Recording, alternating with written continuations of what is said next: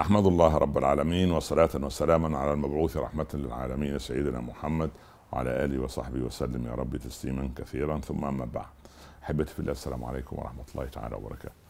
الهدي النبوي وسلوك النبي صلى الله عليه وسلم وأخلاقه مع الناس ومع الصحابة ومع الصغير والكبير شيء قد يفوق تصور العقل البشري لكنه هو الأسوة وهو القدوة وهو المثال. فكلما اقتربنا من أخلاقه وقصصنا شيئا وشذرات من حياته المضيئة ومواقفه المشرقة حقيقة قد ترتقي أرواحنا وتتغير وتسمو أخلاقنا ونبدأ في التعامل مع الناس بصورة أفضل.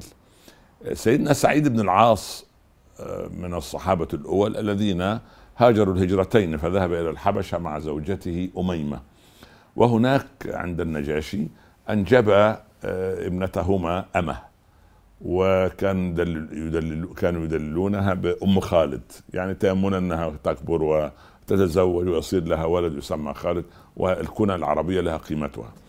أه ودعهم النجاشي أه جميعا الصحابة يعني رجعوا إلى بعد الهجرة بعد أن أحسنوا وفادتهم ورفادتهم وقالوا أقرئوا قال أقرئوا رسول الله مني السلام.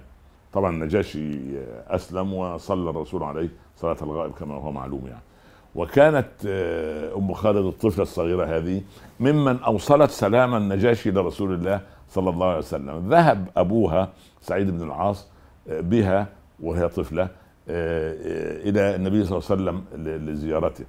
فرحب بها النبي صلى الله عليه وسلم كما يرحب بالصغير والكبير. وكانت تلبس ثوبا جميلا.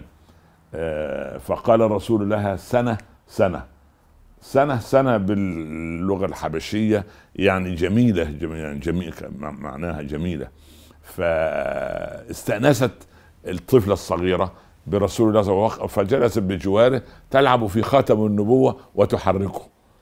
فنهرها أبوها. فقال دعها يا سعيد. يا يا أم خالد سبحان الله آه، آه، ألبسي وأخلقي. يعني البسي الجديد ولما يدوب من عليك وأنت تلبس جديد آخر أخلقي. زي ما إحنا في ال في ال اللهجات العامية بعض البلاد يعني آه، تلبس وتدوب ولا تهري وتجدد يعني كده. حتى اللهجات بتاعتنا صعبة شوية تهري يعني من الهري سبحان الله المهم يعني ف بفضل دعوة رسول الله صلى الله عليه وسلم عاشت الطفلة هذه أم خالد إلى أن بلغت 120 عاما وأنجبت ذكور وإناث وسبحان الله. الملمح العجيب في القصة كيفية التعامل مع الأطفال. يجب ألا نهمل أطفالنا في مجالسنا. إذا جلسنا كبارا الكبار يتكلموا في السياسة في الاقتصاد في المشاكل في المشاكل الزوجية في الأمور العامة. ونهمل أن بيننا طفلا له متطلبات يريد أن يسمع. لابد أن ننزل إلى هذا المستوى أو نسمو إلى هذه البراءة ونتحدث مع مع الطفل أو الطفلة حتى يستأنس بنا ليحب مجالسنا. مرة في مرة لما لما أسكت يا ولد خالك قاعد أسكت يا ولد عمك جالس أسكت يا ولد طب بالله عليك الولد والبنت عندما يشعرون بالعزلة من من أعمامهم وأخوالهم والضيوف الموجودين. خلاص يروح عند السيد جوجل والسيد ال social media والسيدة الإنترنت وسبحان الله لا نحصل على طفل سوي أخذ معلومات أو طفلة سوية يعني استفادت بفضل الله سبحانه وتعالى من مجالس الكبار. فيجب أن الأطفال لما يجلسوا معنا إحنا نحتاط لألفاظنا ونقول إن هذا كذاب هذا منافق هذا كذا. لا داعي لهذه الألفاظ. فأنا أرجو من الأمهات إذا جلست مع صديقاتها أو قريباتها وجود طفلة أو طفل يحسنوا اختيار الكلمات ولا يتحدثوا عن فلان وفلان. هكذا الرجال.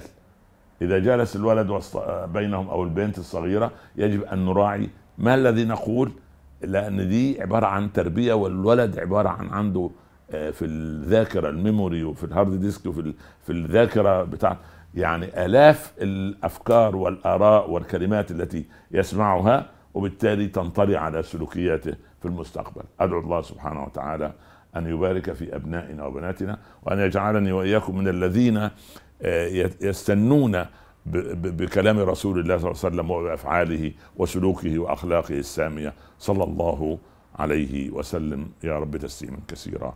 والسلام عليكم ورحمة الله تعالى وبركاته.